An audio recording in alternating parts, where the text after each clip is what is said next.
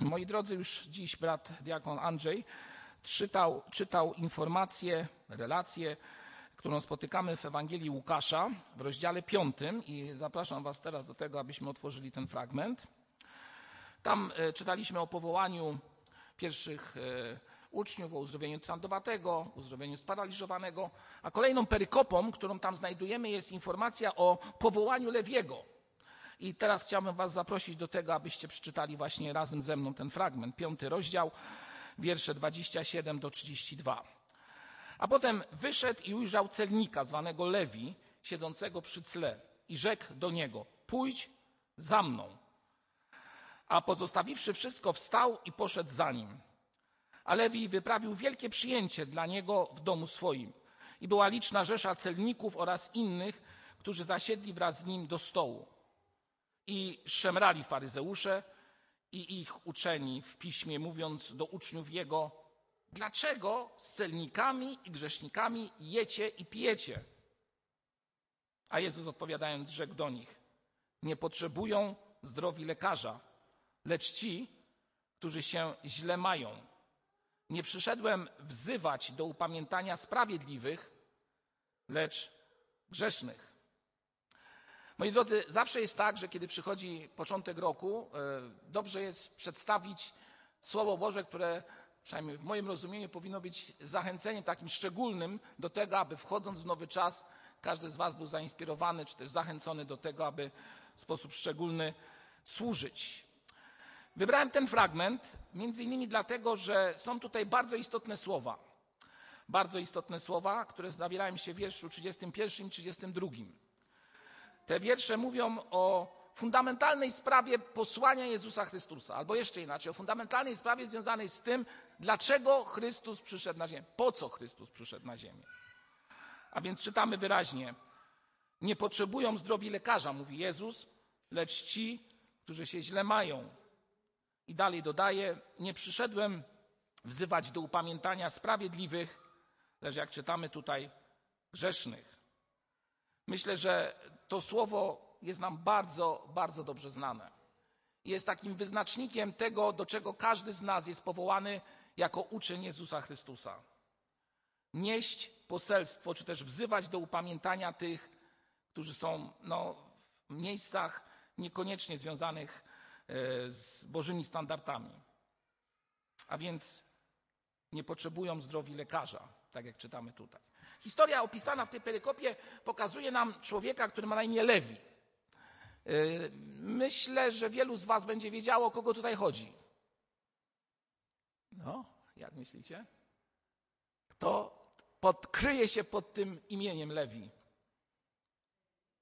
No, bardzo dobrze, celnik to jest napisane. Moi drodzy, idąc dalej, trzeba powiedzieć o bardzo ważnej i istotnej sprawie, a mianowicie e, Lewi to nie kto inny, tylko kto? Mateusz, moi drodzy.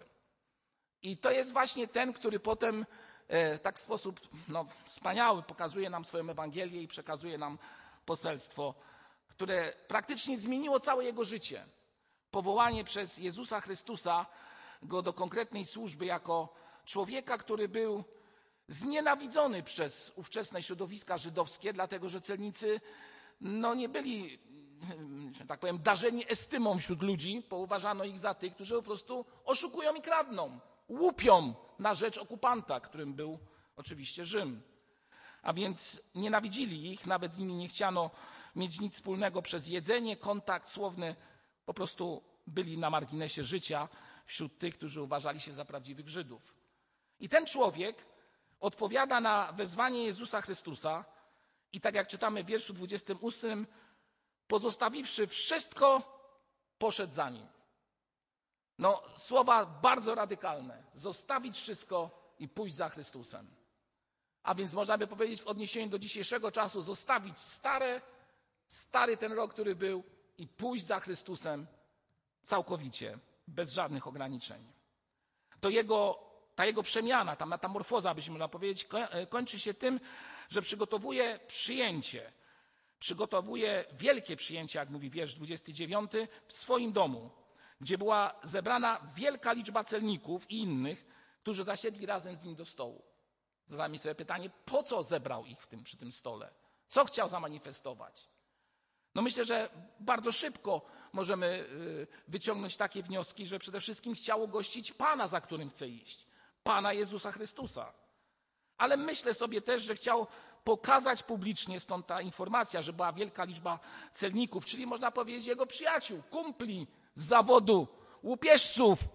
I chciał im pokazać, że słuchajcie, ja wybrałem inną drogę. Zobaczcie, ja wybrałem inną drogę. Powołany i zaraz świadczy. Powołany i zaraz konkretne rzeczy czyni. To jest to właśnie, co, o czym tutaj czytamy. Zostawił wszystko i chce pokazać nowe. Myślę, że chciał przedstawić Jezusa przyjaciołom swoim. A więc stąd to przyjęcie, stąd też to zaangażowanie po jego stronie. Oczywiście faryzeusze niekoniecznie kupili ten temat. Nadal uważali, że to, co robi, jest totalną bzdurą i wiarołomnym nieporozumieniem, że niektórzy dają się, jak to mówią przysłowie, nabrać na coś takiego, że ktoś nagle się tak zmieni, czy w ogóle zmienić może. Często się, dziś się mówi, że gdy człowiek się nawraca i zostawia swoje stare życie, swoje stare przyzwyczajenia, i niektórzy z uśmiechem politowania mówią, do czasu przyjdzie próba i wszystko będzie po staremu. Ale moi drodzy, jeżeli Ewangelia zaczyna działać i obecność Jezusa Chrystusa jest w nas, to ten, który jest z nami, za którym idziemy, można by powiedzieć, solidaryzuje się z nami. Wtedy, kiedy jesteśmy mocni, silni, ale także wtedy, kiedy cierpimy i kiedy jest nam po prostu źle. Kiedy jest nam po prostu źle. Daje nam siłę do tego, abyśmy mogli otrzymać od Niego dobro.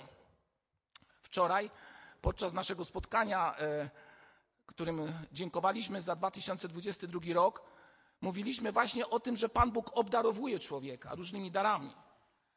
I ten dar największy, którym jest przyjście naszego Pana Jezusa Chrystusa, o czym dzisiaj tutaj mówimy, powoduje, że człowiek ma siłę do tego, aby przejść przez życie, iść w nowe i prawdziwe zwyciężyć bo On chce dać nam to, co naprawdę jest dla nas najistotniejsze i daje nam siłę do przejścia przez najtrudniejsze chwile. O tym będziemy mówić za chwilę. Ale niektórzy oceniają miłość Jezusa skierowaną do człowieka z perspektywy tego, czy faktycznie to, co nam On dał, zasługuje na Jego atencję z naszej strony. A więc czy zasługuje na to, abyśmy mu dziękowali za wszystko? Bo jak tu dziękować na przykład Chrystusowi, gdy przychodzi choroba lub nawet i śmierć? Wtedy jest trudna sprawa. Czytałem e, e, relację jednej e, z kobiet, Alice Wales, która mówiła o egzekucji, która dokonywała się w Auschwitz i myślę, że wielu ten temat ma już w jakiś sposób w swoim sercu no, przemyślany, tak mogę powiedzieć. A więc zadano jej pytanie, jako osobie, która deklarowała wiarę w Jezusa, gdzie jest Bóg, gdy ktoś jest zabijany. I wtedy ten, ta relacja, którą ona opisała, zakończyła słowem następującym. Odpowiem wam, on wisi na szubienicy, tam, gdzie widzicie tego, który umiera. Tam jest Jezus, bo On jest z tym, który odchodzi. Bo On jest z nami na dobre i na złe. To tak jest, że zbyt szybko skupiamy się tylko na tym, co jest dla nas istotne i dobre. To tak jak dzieci często zachowujemy się jako dorośli, moi drodzy. Kiedy ktoś jest dobry dla dziecka? Kiedy mu daje dobre dary, tak? Kiedy mu daje prezent. Moja trzyletnia córka, czego nie zapomnę do dziś, kiedy mieszkaliśmy tutaj przy ulicy Waliców i kiedy przyjeżdża mój ojciec, to ona, e, widząc mojego ojca, czyli jej dziadka, mówiła: następujące słowa. Prezent przyjechał. No moi drodzy, no tak funkcjonowała w tamtym czasie, no. Ale to było szczere, moi drodzy. To było szczere. To było szczere. Ja wiem o tym, że to było po prostu z jej serca prawdziwie szczerze. Zresztą do dziś ma relację z nim, bo relacji się nie traci, moi drodzy. Nie traci nigdy. A więc obecność Boga to nie tylko kiedy daje nam dobre rzeczy, ale także kiedy czasami są rzeczy, które nam się nie podobają. I wtedy możemy też być razem z Nim. A właściwie inaczej, On jest razem z nami. Tylko, że my nie my zapominamy o tym, wydając nam się, że Pan Bóg nas opuścił. No wiadomo, bzdura, moi drodzy. Bóg nie opuszcza tak sobie jak ludzie. To ludzie opuszczają jeden drugiego, bo mają kaprys, bo mają focha, bo mają jakieś inne sprawy, które są w życiu. Bo ktoś coś im powiedział złego, nie uczynił im dobrego, to ja się nie będę z nim przyjaźnił. To nie jest relacja prawdziwa. Jezus przyszedł do człowieka. Jego wcielenie tutaj na ziemi pokazało prawdziwe bóstwo i człowieczeństwo zarazem, kiedy tu był pośród nas. Spójrzcie na to, co jest opisane, kiedy Jezus był kuszony na pustyni zaraz na początku jego służby. Wiemy tam o tej, w tej relacji, że e, była taka próba, aby na skutek głodu szatan mówi, no to zmień ten kamień w chleb, tak? Albo jeszcze inna relacja, kiedy Jezus wisi na, krzyża, na krzyżu, e, słyszy ten głos, no przecież stąp z krzyża. Ten głos jest wypowiedziany przez ludzi. Stąp z krzyża. Przecież możesz to zrobić. I tak zastanawiałem się nad tym, do czego był Jezus kuszony. Zastanówmy się nad tym. I dlaczego akurat w ten sposób był kuszony, a nie w inny? Dlaczego akurat szatan wybrał tą linię pokusy, wypowiadając takie słowa? No na pierwszy rzut oka możemy powiedzieć, że chodzi o to, że chciał, e, czy też odwołał się do jego boskości. No bo zamienić kamień w chleb albo stąpić z krzyża, gdy człowiek umiera, no to może raczej tylko i wyłącznie Bóg, a nie śmiertelnik. Ale wchodząc, czy też zagłębiając się w to myślenie, doszedłem do wniosku zupełnie innego. Że przede wszystkim diabeł zaatakował to, co było drugą bardzo istotną częścią naszego Pana Jezusa Chrystusa, a mianowicie jego człowieczeństwo. Zaatakował człowieka, który pragnie, który pragnie, który jest głodny i którego co? Coś boli i zaraz ma umrzeć zaatakował człowieczeństwo, moi drodzy, które było w naszym Panu Jezusie Chrystusie, który przyszedł tutaj do nas jako ten, który chce pomóc tym, którzy są chorzy. Przyszedł po to do nas, aby, można by powiedzieć tak w sposób bardzo prosty, zrozumieć, chociaż czy on potrzebował akurat tego, ale doświadczył tego, czego i ty, i ja doświadczamy. Zresztą o tym Pismo Święte mówi.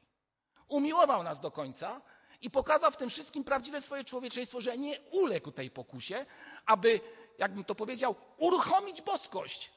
Bo jako człowiek i Bóg zarazem mógł uruchomić boskość. I wszystko by zostało załatwione. Ale wtedy by usłyszał jedną bardzo istotną nutę. Wiecie, jak ta nuta by się nazywała? To by była nuta, którą, która brzmi tak. To by był chichot diabelski. Nic innego. Nic innego bo przegrałby, wygrałby jako może ten, który może, ale przegrałby z misją, z którą do nas przyszedł. Nie przyszedłem wzywać do upamiętania sprawiedliwych, lecz kogo? Grzeszników. I on dziś wzywa każdego z nas do tego, abyśmy poszli za nim. Nie robi tego na siłę. Nie robi tego na siłę. On nie chce panować na siłę w naszym życiu, jak to jest u niektórych zwyczaju, chcąc tego, czy też próbując dominować nad drugim człowieku, nad drugim człowiekiem, używają siły, nie wiem, fizycznej, psychicznej, różnego rodzaju socjotechniki i tak dalej, i tak próbując panować nad drugim człowiekiem. Chrystus tego nigdy, ale to nigdy nie robił. Kiedy przyszedł na ziemię, kiedy, zostało, kiedy nastąpiło wcielenie, które wspominaliśmy tydzień temu w sposób szczególny, myślę, że bardzo istotną sprawą wcielenia było to, że końcem tej jego misji był właśnie krzyż, o którym przed chwilą powiedziałem, czyli swego rodzaju hmm, krzyż jako dopełnienie Betlejem? No chyba tak. Albo wypełnienie Betlejem, tak byśmy mogli powiedzieć. Bo Betlejem to przyjście, a krzyż, który jawi się jako klęska, to prawdziwe zwycięstwo. Co Jezus proklamował na krzyżu? To czytałem właśnie ostatnio, bardzo mi się to podoba i spróbuję Wam to przekazać. A więc Jezus proklamował na krzyżu podstawową sprawę. Nie wobec przemocy, nie wobec przemocy i własnej siły skierowanej do drugiego człowieka. To zupełnie inna wizja rzeczywistości. Zupełna inna, inna wizja rzeczywistości. Dzisiejszy świat kieruje się przede wszystkim siłą, przemocą, agresją. Zresztą widzimy to na wschodzie bardzo mocno. A Jezus przychodzi i mówi zupełnie coś innego. On nie chce podporządkowania. On chce zależności, która wynika z serca, a nie podporządkowania, które wynika na zasadzie zakazu, przykazania i wielu innych spraw. One są, ale mają wypływać z naszych serc, a nie z przymusu bardzo konkretnego. A więc Jezus nie chce wymuszenia, nie chce udowodnienia, że jest wyższy od innych, tylko raczej jest tym, który służy. Czy potrafimy uchwycić tą podstawową sprawę misji Chrystusa? On przyszedł jako sługa. Gdybyśmy zapytali dzisiaj o definicję lekarza, e, kim jest albo kim powinien być lekarz, to myślę, że wielu w tak zwanym hejcie mogłoby powiedzieć, że lekarze to, i tutaj dam trzy kropki, Pomieliśmy na przykład złe doświadczenia z nimi gdzieś tam, ale jestem przekonany, że nie wszyscy są tacy, bo jednak jest bardzo duża grupa lekarzy, która zupełnie co innego proklamuje w swoim życiu. Proklamuje to, o czym czytamy w Piśmie Świętym, że lekarz to ten, który służy. Jezus to ten, który służy i chce pomóc wyjść drugiemu człowiekowi na prostą nie podporządkowuje, nie wymusza, nie chce udowodnić niczego. Chce być przy Tobie. Przyszedł po to, aby być przy Tobie, pomóc Ci wyjść z tego stanu, w którym jesteś. Powrócę jeszcze dwoma przykładami do tego, o czym mówiliśmy e, tydzień temu. Spójrzmy na Heroda. Do niego też przyszedł Jezus Chrystus. Ale Herod zachował się jak wielu w tym świecie dziś. Co było najistotniejsze dla Heroda? Co jest najistotniejsze dla wielu ludzi w tym świecie, także i dziś? Przede wszystkim władza. No spójrzmy na wschód, co się dzieje. No chodzi o co? O siłę i pokazanie, no właśnie, o co tutaj chodzi? Potwierdzenie swojej wartości? Bo chyba władza jest właśnie czymś takim. Chce potwierdzić swoją wartość, swoją ważność, swoją siłę. Bzdura, jeszcze raz bzdura. Nigdy człowiek nie osiągnie czegoś takiego kiedy będzie chciał właśnie w ten sposób działać. No właśnie, ale jest inaczej w wielu sercach ludzkich. Chcą podkreślać, że sami sobie dadzą radę. Po co Jezus? Wręcz Herodowi Jezus przeszkadzał. Po czego bał się Herod? Że narodził się król, jak mu oznajmiono, i straci władzę. A więc straci to, co było setnem jego istnienia albo inaczej jeszcze źródłem napędzającym jego życie. Straci to, że będzie, już nie będzie mógł więcej posiadać, nie będzie miał więcej władzy, a może nie dokona już czegoś wielkiego, bo ten król, który się narodził, dokona czegoś większego. A chyba najważniejsze to, że nie będzie może podziwiany za to, co zrobił. A pamiętamy, że zbudował, czy też odbudował świątynię w Jerozolimie która według wszystkich architektów jest uznawana za jedno z cudów świata ówczesnego. Była piękniejsza niż świątynia, którą wybudował Salomon i która została, można powiedzieć, w jakiś sposób reaktywowana po powrocie Izraela z niewoli. To było coś wielkiego. Był podziwiany. A tutaj przychodzi król i co go zastąpi?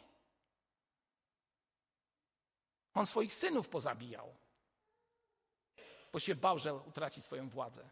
A tutaj ktoś, jeszcze go ktoś o tym informuje i więcej, że go informuje, to jeszcze zostaje to wszystko potwierdzone przez uczonych w piśmie.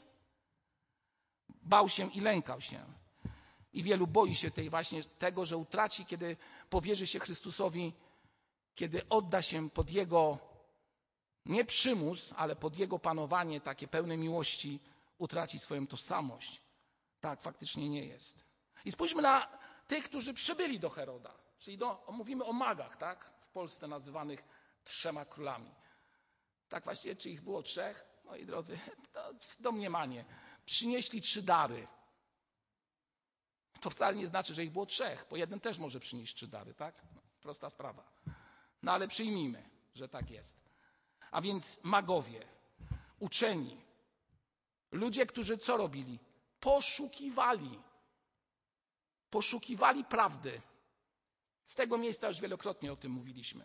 Poszukiwali prawdy. Nie byli ludźmi władzy, chociaż przy władzy prawdopodobnie się poruszali. Ale poszukiwali prawdy. I wiecie, co jest najpiękniejsze w tej relacji? Nie to, że przemierzyli pustynię, e, że heroicznie, że tak powiem, zachowali się i nie podporządkowali się temu, co powiedział mi Herod. Tak czasami upraszczamy tę sytuację, ale wyciągnijmy coś głębszego z tego.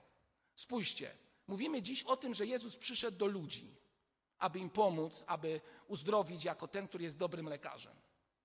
Popatrzcie, magowie czy też mędrcy byli ludźmi poszukującymi.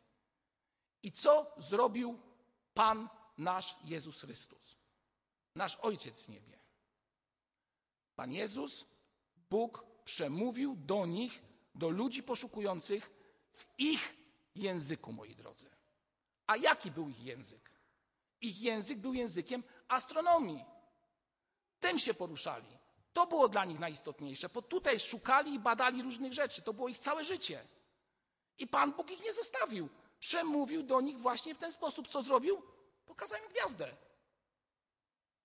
Bo na tym polega wielkość Boga, że człowiek, który tego Boga szuka, szuka prawdziwie, może liczyć. A ja z tego miejsca powiem, jestem pewien, że otrzyma odpowiedź w języku, który zrozumie. W języku, w którym mówisz. To może być język intelektualisty, ale też to może być język prostego człowieka, który idzie rano po chleb i nie ma specjalnie nawet na to, aby za ten chleb zapłacić. Jezus przemawia do każdego człowieka w swoim języku, w języku swoim, w języku zrozumiałym dla niego. Bo takim jest ten, który do nas przychodzi Pan Jezus Chrystus. Bo on przyszedł, aby pomóc nam, a nie żeby nas potępić. Jezus potępia grzech, a nie potępia grzesznika. Wielokrotnie o tym mówiłem. Potępia grzech, a nie grzesznika. To człowiek potępia grzesznika, a z grzechem to najlepiej się rozprawić po swojemu. A najlepiej co zrobić? Oskarżyć, bo to najbardziej boli, tak? I załatwić drugiego człowieka. A złapałem cię na grzechu, to ci teraz dopiero dam i pokażę. Pan Jezus działa zupełnie inaczej. Absolutnie. Spójrzmy na to, co mówi o tym Słowo Boże. Idąc dalej w naszym rozważaniu, muszę przyspieszyć trochę, chcę powiedzieć o bardzo istotnej sprawie, moi drodzy, a mianowicie Bóg przez Jezusa Chrystusa daje człowiekowi coś w rodzaju takiej przestrzeni. O tym Heller mówi, ale nie będziemy tutaj o filozofach za dużo gadać, bo to nie czas i miejsce. Ale powiem wam, moi drodzy, że jest coś takiego, zostało napisane przez baptystę zresztą, e, człowieka o nazwisku Will Ward, a mianowicie on powiedział takie bardzo ciekawe słowo.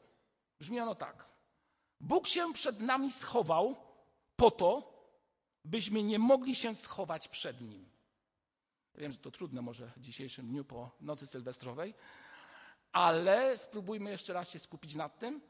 Bóg się przed nami schował po to, byśmy nie mogli się schować przed Nim.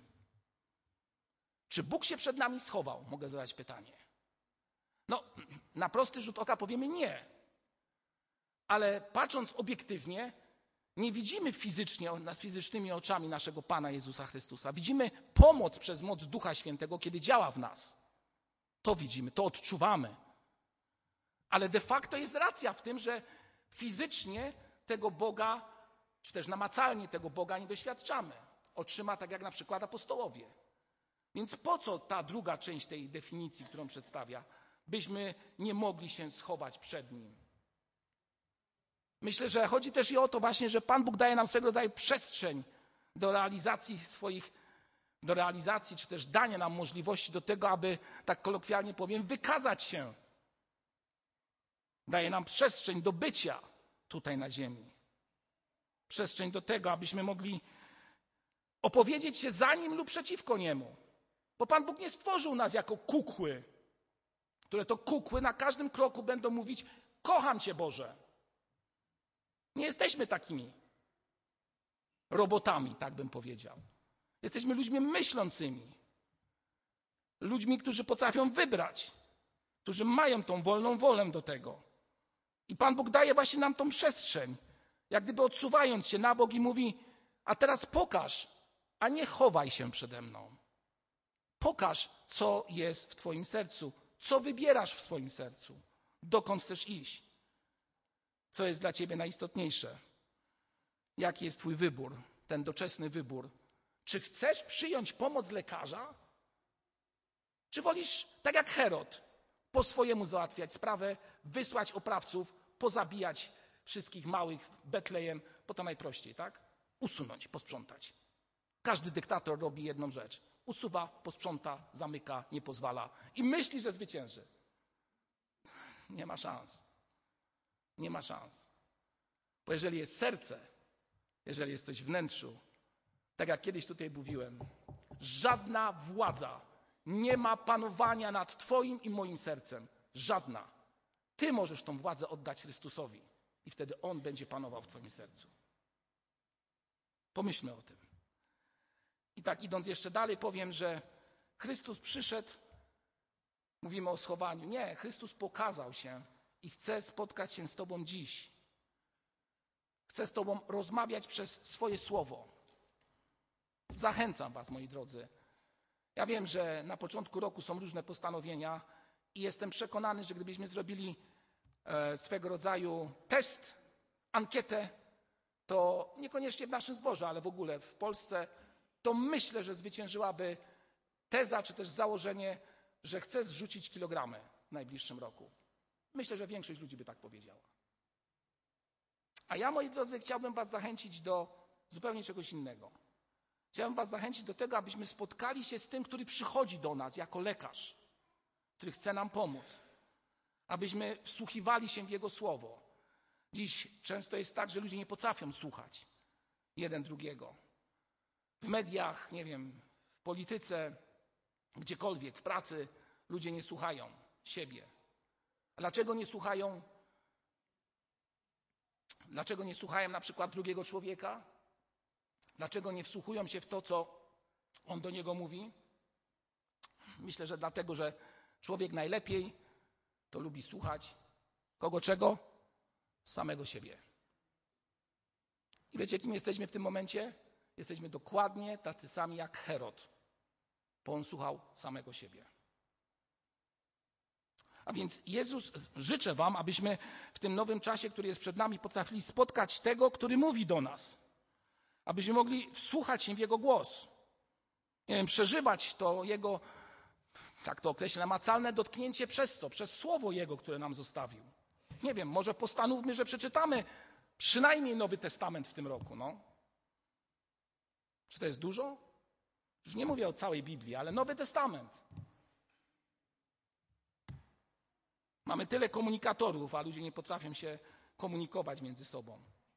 I na koniec Drugie życzenie, a więc pierwsze, abyśmy słuchali siebie i słuchali przede wszystkim e, nie siebie, tylko abyśmy słuchali drugiego człowieka, a nie tylko siebie, a i też druga sprawa, abyśmy słuchiwali się w głos Słowa Bożego, który jest głosem danym nam w sposób za darmo, jako dar najlepszy od Pana naszego Jezusa Chrystusa, lekarza, o którym dziś mówimy. I druga sprawa, moi drodzy, to nie jest tak, że chrześcijanie nie będą mieli przeszkód w swoim życiu. A więc nowy rok może przynieść przeszkody może przynieść trudności. I tak jak mówiłem wcześniej, możemy powiedzieć, że no to Jezus nie daje nam dobra, to dlaczego mam iść za nim? No to nie ulegajmy temu głosowi. Kiedy przyjdą przeszkody, miejmy zakodowane w naszych głowach podstawową sprawę, że trzeba się otworzyć. Otworzyć. Nie na bunt, który diabeł będzie rozniecał w Twoim sercu jeżeli coś będzie przeciw tobie. Jeżeli coś się będzie działo nie tak, jak ty chcesz. Diabeł ci powie, buntuj się, widzisz? Nie ma Boga, zostawił cię. A więc chcę wam powiedzieć, że tak nie jest. Kiedy przyjdą przeszkody w nowym roku, w naszym życiu, otwórzmy się i zróbmy prostą sprawę. Poprośmy o pomoc. Dziś świat bardzo często reaguje w ten sposób. Muszę pomóc sobie sam. Jeżeli sam sobie nie pomogę, nikt mi nie pomoże. Możesz tak myśleć, ale ja zachęcam Ciebie, otwórz się na głos Pana Jezusa Chrystusa i szukaj u Niego pomocy. Szukaj u Niego pomocy.